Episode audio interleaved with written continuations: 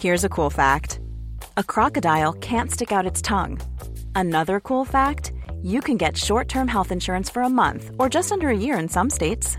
United Healthcare short term insurance plans are designed for people who are between jobs, coming off their parents' plan, or turning a side hustle into a full time gig. Underwritten by Golden Rule Insurance Company, they offer flexible, budget friendly coverage with access to a nationwide network of doctors and hospitals. Get more cool facts about United Healthcare short term plans at uh1.com.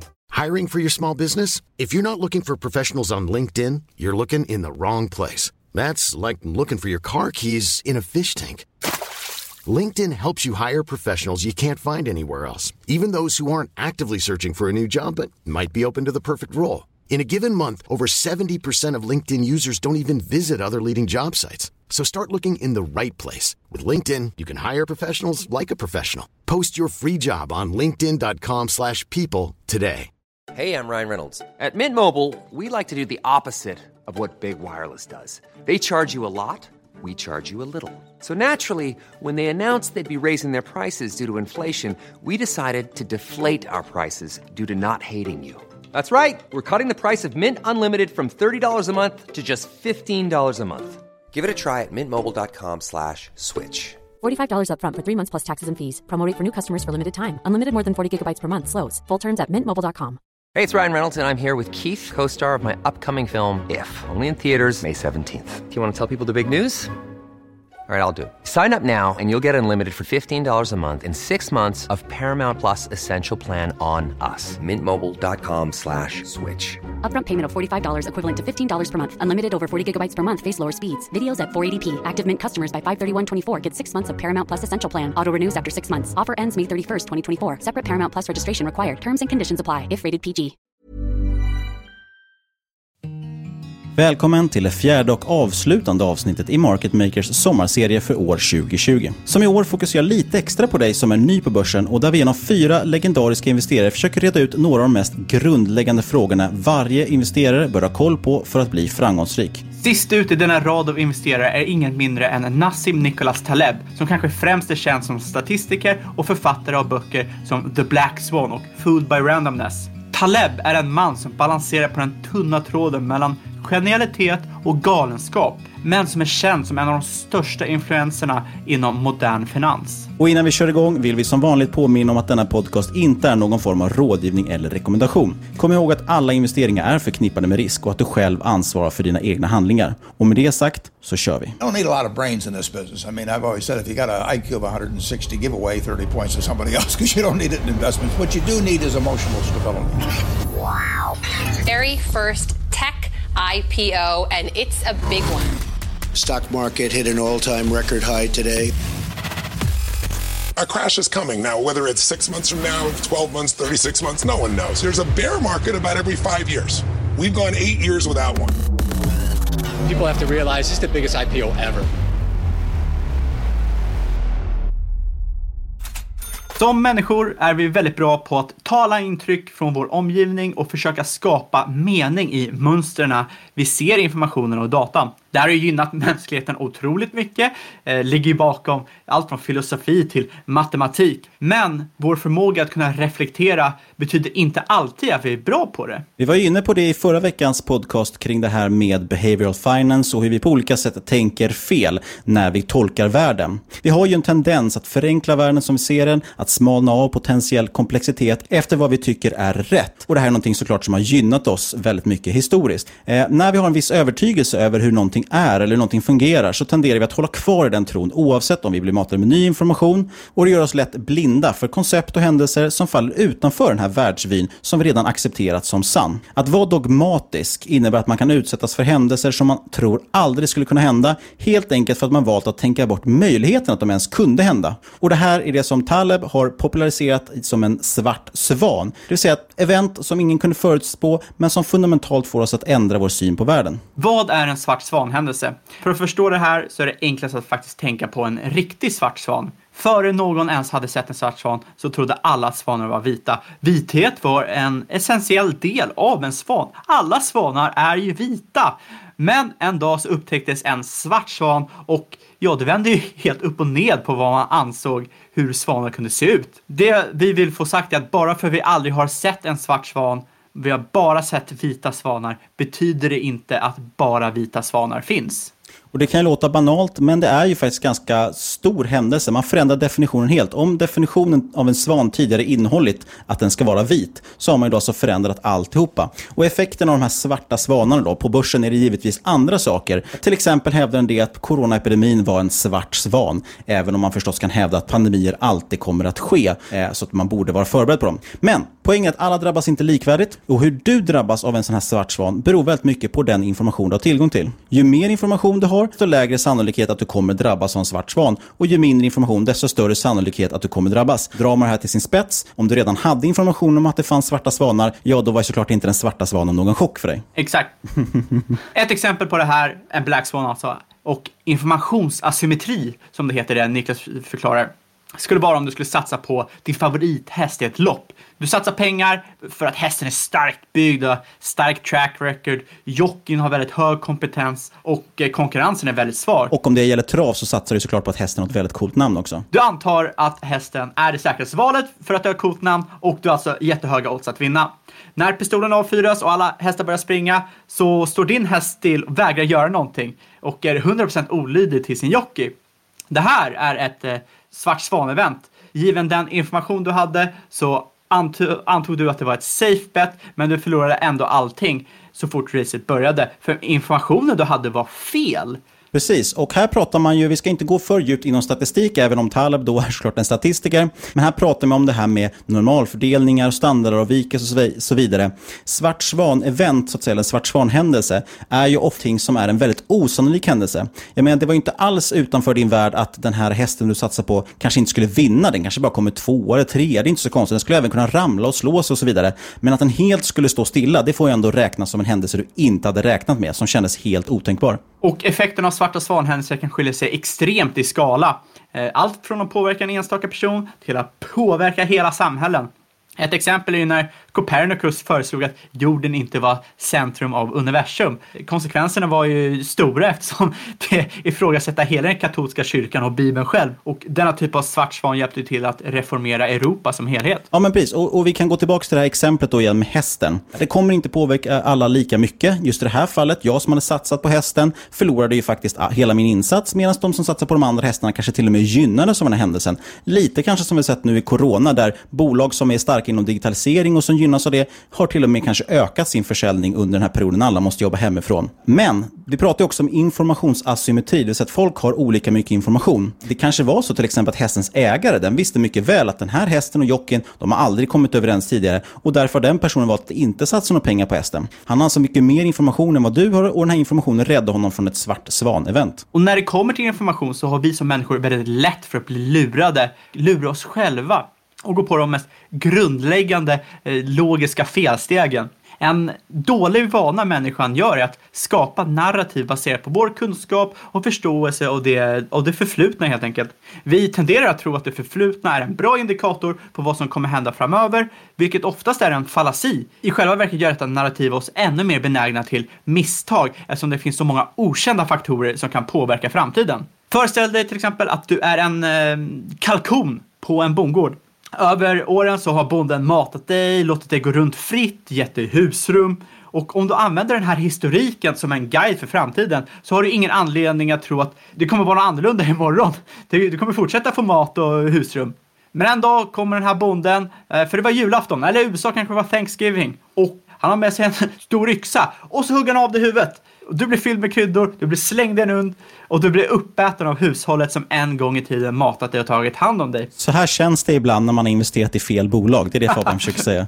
Det vi faktiskt vill försöka säga är att försöka förutsäga framtiden baserat på tidigare upplevelser kan skapa katastrofala konsekvenser. Och därav det här uttrycket att historisk avkastning är ingen garanti för framtida avkastning. Ja, ett bolag på börsen som har presterat väldigt bra historiskt kanske har lite större chans att göra det framöver, men det är ingen garanti för att de kommer göra det. Eh, och det finns massvis av sådana här feltänk eller, eller biases som man pratar om. Eh, vi nämnde ju förra veckan Daniel Kahnemans bok Tänka snabbt och långsamt som man ändå får se som någon form av bra crash course på ämnet och vi länkar till den i avsnittbeskrivningen. En liknande sån här feltänk då som väldigt många drabbas av är så kallat confirmation bias, eller bekräftelse bekräftelsepartiskhet. Det går ut på att vi ofta letar upp bevis som bekräftar det vi redan tror på och det här sker ju helt undermedvetet. Och det sker till den grad att vi faktiskt ofta ignorerar bevis som motsäger det vi redan tror. Om vi undersöker de här motsägande bevisen gör vi ofta det för att hitta källor för att försvaga bevisen eh, och, och bekräfta våra egna förutfattade meningar. Vi vill hitta varför våra motståndare, meningsmotståndare har fel. Och Det här är uppenbarligen inte optimalt om man vill försöka förstå komplexiteten i världen och bli en bra investerare som det här handlar om. Alla har vi till exempel en åsikt om klimatförändringar för att ta ett aktuellt ämne. Och Jag kan garantera att du som lyssnar, när du sökt information så har du nog undermedvetet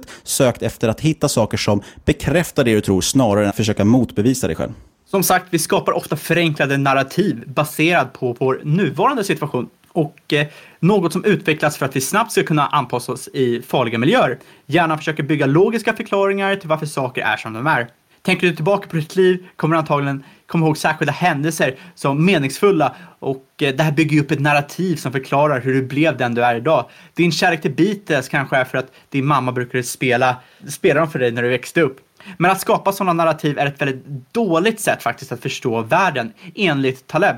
Och eh, detta eftersom att vara tillbakablickande eh, så är det väldigt enkelt att se saker som självklara när utfall sällan är lika självklara innan de inträffat. Och därav att man brukar säga att det är alltid väldigt enkelt med facit i hand. Exakt, hindsight is 2020. Covid-19, det kan ju spåras tillbaka i efterhand till en liten fladdermus och i efterhand känns det ju väldigt hög risk att äta något sådant. Men dagen innan åt antagligen hundra eller tusentals människor samma sak och ingenting hände. Och dessutom så är människan också extremt dålig faktiskt på att skilja på skalbar och icke skalbar data. Alltså icke skalbar data som vikt och längd, det har ju en statistisk övre och undre gräns. Man kan ju max vara en viss längd, någonstans där så fallerar alltihopa. Och man kan också vara, det finns också minimilängd till exempel. Det kanske också är möjligt för människan att väga 500 kilo, men det är väldigt omöjligt för människan att väga 5000 kilo. Och tack vare att de här egenskaperna har en tydlig gräns för max och minimum, så är det ganska enkelt att göra en, en, en bra förutsägelse om du ska försöka förutspå längden på ett barn till exempel när den växer upp. För du kan ju dra till med ett snitt som ligger inom det här rimliga spannet. Du kommer inte att gissa att barnet kommer att bli 15 meter. Och det här namnet då, icke skalbar, kommer ju alltså från datan, eller datapunkten du tittar på kan inte skala i all oändlighet. En människa kan som sagt inte väga 5000 kilo. Sen finns det ju också skalbar data som kan växa i all oändlighet i princip. Det kan vara fördelning av förmögenheter i ett land, eh, det kan vara musikförsäljning på nätet, Feds balansräkning, eller så kan det vara till exempel eh, ett spel som som säljs på Steam. Eftersom den är inte begränsar den fysiska världens gränser så kan du rent teoretiskt sälja oändligt många spel då, eftersom de är digitala. Och Det här blir extremt viktigt när man kopplar då till företagsmodeller, där affärsmodellerna kan vara väldigt skalbara eller icke skalbara och det påverkar din investering. Skillnaden mellan skalbar och icke skalbar information är väldigt viktig att förstå eftersom det påverkar ju bilden du har av världen och att blanda ihop skalbarhet och icke skalbarhet gör att man eh, kommer begå stora misstag när det kommer till att förutsäga hur saker kommer se ut framöver. Vi tenderar ju att se icke skalbara affärsmodeller och har mycket svårt att se skalbarheten och framförallt den framtida skalbarheten och potentiella utvecklingen av företag. Precis, och det här ställer sig ju liksom i en lång rad av saker vi har svårt för som människor. Vi har också väldigt svårt att till exempel förutspå exponentiell tillväxt som hänger ihop ofta med att man har en skalbar affärsmodell. Men något annat som människan också intuitivt gör, är att vi utvärderar risk i situationer för att skydda oss själva från dåliga situationer. Med det sagt så är vi sällan bra på att utvärdera sannolikheten för att en händelse inträffar. Vi är till exempel väldigt självsäkra i vår tro om att vi vet om alla potentiella risker vi behöver skydda oss från, något som brukar kallas för deludic fallacy, eller lekfantasin. Vi hanterar helt enkelt risk som ett spel med förutbestämda regler och sannolikheter innan vi börjar spela och sen utvärderar vi framtiden utifrån det här. Men det är väldigt få som för ett år sedan skulle tro att världens ekonomi skulle komma till ett stopp stopp när länder började stänga ner sina gränser och tvinga människor till isolering för att stoppa spridningen av covid-19. Jag tror till exempel inte att Peter Stordalen tänkte att det skulle ske när han köpte upp Ving till exempel. Inget företag hade haft anledning att innan detta göra beräkningar för vad som skulle hända med företaget om deras intäkter plötsligt föll till noll, eftersom det faktiskt aldrig hänt förut. Det var helt enkelt en risk som var väldigt utanför regelboken. Eftersom regelboken normalt sett säger att ja, har vi en lågkonjunktur till exempel, då brukar ändå tjänstesektorn klara sig bra och det är mer finansiella företag som drabbas. Här är det helt tvärtom. Tjänstesektorn har drabbats enormt, medan vissa finansiella och industriella företag och så vidare har klarat sig ganska väl. Knowledge is power lyder ju ordspråket. Men när vi är begränsade av vår kunskap så kanske det kan vara extremt fördelaktigt att kunna erkänna vad vi inte vet eftersom det här öppnar upp för möjligheter som vi annars inte skulle kunna ta hänsyn till. Tänk dig att du i början av 1929 bestämmer dig för att börja handla aktier, men att du endast kikar på börsdata mellan 1920 till 1928. Du kommer se lite dippar, men den generella trenden går uppåt och anledning att tro att något annat kommer hända än att börsen fortsätter gå uppåt är väldigt liten. Du lastar in allt du äger på börsen och några månader senare händer det som inte får hända. Börsen kraschar, du förlorar allt, hemlös, frun skiljer sig från dig och tar barnen. Hade du endast kunnat studera en lite, lite längre eh, tidsperiod så hade du upplevt fler krascher, fler rallys genom historien. Att endast fokusera på det vi vet kommer göra oss utsatta för oberäkneliga risker och att ha förmågan att ställa sig frågan vad är det jag inte vet i det här scenariot? Det är livsviktigt för att kunna ta bra beslut. Det är inte så konstigt. Huset du kanske bor i, eh, det har aldrig brunnit ner förut, så du räknar ju inte med att det kommer brinna ner framåt, men du köper ändå en brandförsäkring för att du vet att hus kan brinna ner. Och allt det här vi säger nu, det, mycket av det här kan framstå som väldigt banalt och enkelt egentligen, men det som är det riktigt svåra, det är ju egentligen att verkligen förstå det och att tänka på det korrekta sättet. Och det är ju det Taleb blir väldigt duktig på att lyfta fram i sina böcker. Det är också något som pokerspelare förstår väl. En pokerspelare har god kunskap om spelets regler och kan sannolikheter för om han kan vinna partiet med de kort han har i handen eller inte. Men spelaren är också medveten om att det finns information som man inte vet om. Till exempel motståndarens strategi, motståndarens kort, hur mycket pengar motståndaren vill att förlora som kan påverka hur de spelar. Till och med en sån sak som att motståndaren kanske inte ens kan spelet eh, och kommer satsa dumt. Kunskapen kring det okända bygger upp en strategi som inte bara fokuserar på sina kort utan även försöker ta hänsyn till de här riskerna man inte ens vet om, vilket är extremt svårt. Att ha bra förståelse för våra egna begränsningar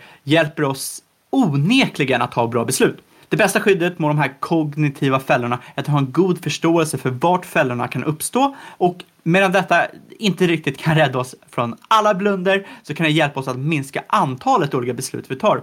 Kritisk självanalys i en komplex värld är den starkaste konkurrensfördel du någonsin kommer kunna få. Och Det finns ju massvis med slutsatser också man kan dra från det här när det gäller investeringar. Till exempel så bör vi tänka på just det här med Black Swans, eh, att det kan ske någonting oväntat och som påverkar allting. Det säger oss till exempel att oavsett hur bra koll du har på ett bolag så kan det gå dåligt för bolaget. Därav att vi bör diversifiera till viss del, alltså äga fler än bara ett enda bolag. Det finns också anledning att ha en buffert, alltså ha ett sparande vid sidan av som du kan ta av om någonting skulle hända, till exempel att huset brinner ner. Nu har du förhoppningsvis en försäkring för det. Och det säger verkligen väldigt mycket om värdet att hela tiden analysera sina tidigare misstag. Försök lära sig från dem. Försök förstå begränsningarna även för den mänskliga hjärnan. Så som till exempel då Daniel Kahneman och Nassim Nicholas Taleb lyfter upp väldigt bra i sina böcker. Ja, i slutändan gäller det att börja lära sig själv mer. Och det är det jag tror att många verkligen uppskattar med börsen, att du får en insikt i vem du är som person som du kanske inte får någon annanstans. För du får ju svart på vitt hur du agerar i olika situationer, vad du anser om andra människor, vad de tycker om olika situationer och hur du sitter i båten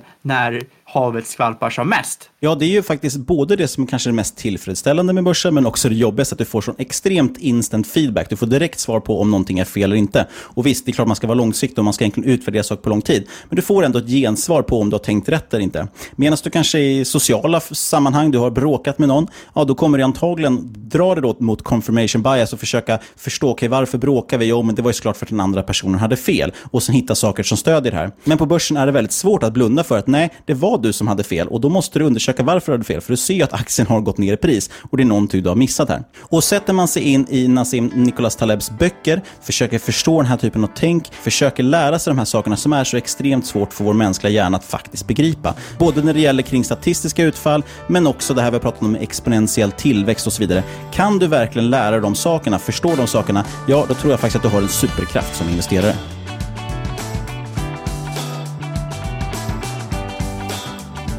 Det var det fjärde och avslutande avsnittet i årets sommarserie.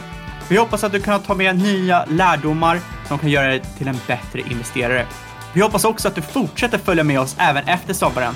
Det är idag den 23 juli och vi tar nu en veckas uppehåll för att fortsätta med våra vanliga avsnitt igen torsdagen den 6 augusti. Ja, och jag förstår det helt om du inte kan vänta två veckor på nästa avsnitt. Och då finns det inte bara 141 tidigare avsnitt av podden med massvis av spännande innehåll, utan även två tidigare sommarserier som vi varmt rekommenderar att lyssna på. Även våra mest trogna lyssnare vill jag lova har nytta av att repetera det som vi lyfter om avsnitten och samtliga sommaravsnitt finns förstås länkade här i avsnittsbeskrivningen. Är du ny till podden och årets sommarserie var det första du hört av oss så säger vi varmt välkommen och vi hoppas att du ska fortsätta lyssna under hösten. Market Makers släpps varje torsdag och är fullmatad med spännande aktiecase, främst inom tech, makrokommentarer och givetvis besöks vi även ibland av duktiga investerare och förvaltare. Och vill du komma i kontakt med oss så når du oss lättast på podcast.marketmakers.se om du föredrar mig. Vi försöker svara på allt som kommer in, men har du frågor om det vi tog upp i sommaravsnitten eller andra finansrelaterade funderingar du vill ha svar på så skulle jag rekommendera starkt att tagga oss på Twitter istället. Där heter vi at marketmakerspod med ett D. Då kan ju faktiskt fler ta del av den i diskussionen och dessutom är det större sannolikhet att du också faktiskt får svar från flera andra duktiga investerare. Och på så sätt bygger vi en starkare community för oss privatsparare. Länk till vårt Twitterkonto hittar du förstås i avsnittsbeskrivningen, där du även finner länkar till Niklas och mitt egna konto om du vill följa oss. Vi vill också återigen påminna om att lämna en recension på iTunes av podden, vilket betyder väldigt mycket för oss. Nu, sist men absolut inte minst, vill vi rikta ett stort, stort tack till alla er som är med oss varje vecka. Vi hörs igen om två veckor.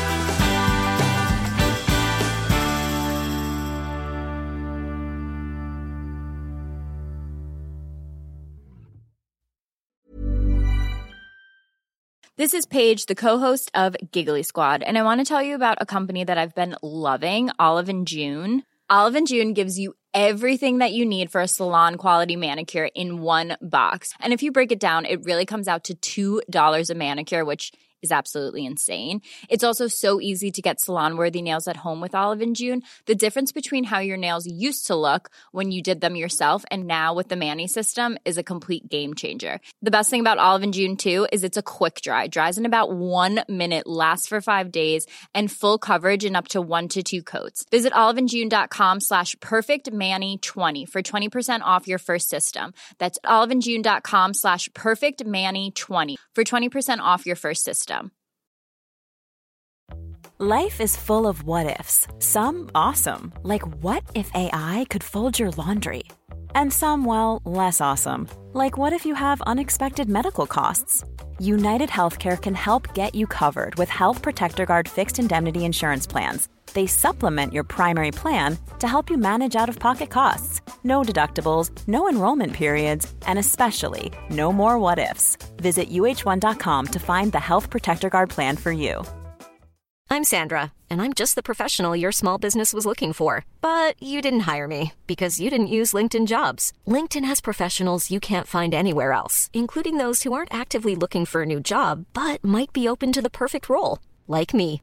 In a given month, over 70% of LinkedIn users don't visit other leading job sites. So if you're not looking on LinkedIn, you'll miss out on great candidates like Sandra. Start hiring professionals like a professional. Post your free job on linkedin.com/people today. Since 2013, Bombas has donated over 100 million socks, underwear, and t-shirts to those facing homelessness. If we counted those on air, this ad would last over 1,157 days. But if we counted the time it takes to make a donation possible, it would take just a few clicks. Because every time you make a purchase, Bombas donates an item to someone who needs it. Go to bombas.com slash ACAST and use code ACAST for 20% off your first purchase. That's bombas.com slash ACAST, code ACAST. Many of us have those stubborn pounds that seem impossible to lose, no matter how good we eat or how hard we work out. My solution is PlushCare. PlushCare is a leading telehealth provider with doctors who are there for you day and night to partner with you in your weight loss journey. They can prescribe FDA-approved weight loss medications like Wagovi and Zepbound for those who qualify. Plus, they accept most insurance plans. To get started, visit plushcare.com slash weight loss. That's plushcare.com slash weight loss.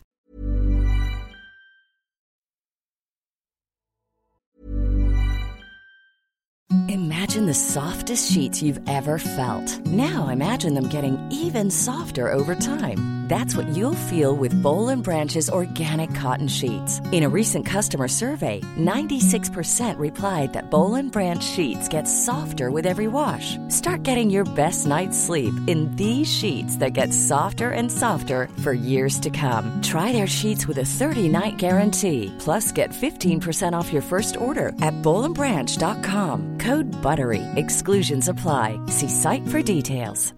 Hi, I'm Daniel, founder of Pretty Litter. Cats and cat owners deserve better than any old fashioned litter. That's why I teamed up with scientists and veterinarians to create Pretty Litter. Its innovative crystal formula has superior odor control and weighs up to 80% less than clay litter.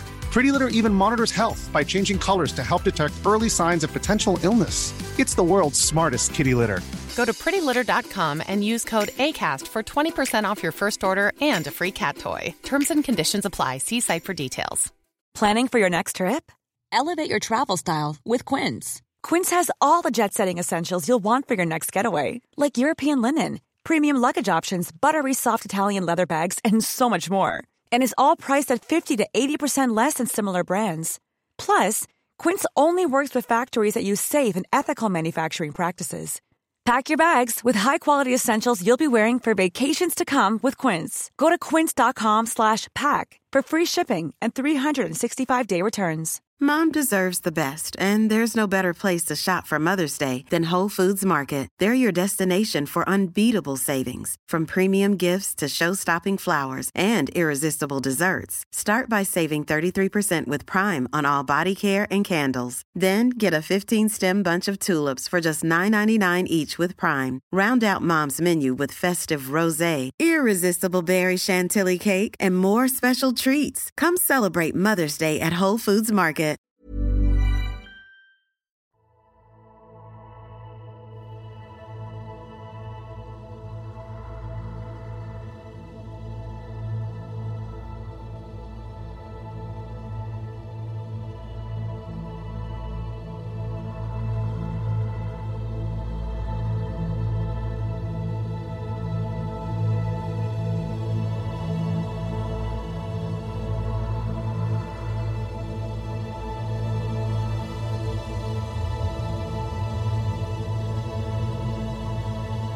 I'm amazed how many people own stocks. They, they would not be able to tell you why they own it. They couldn't say in a minute or less why they own it. Actually, you really press them down, they'd say the reason I own this is the sucker's going up.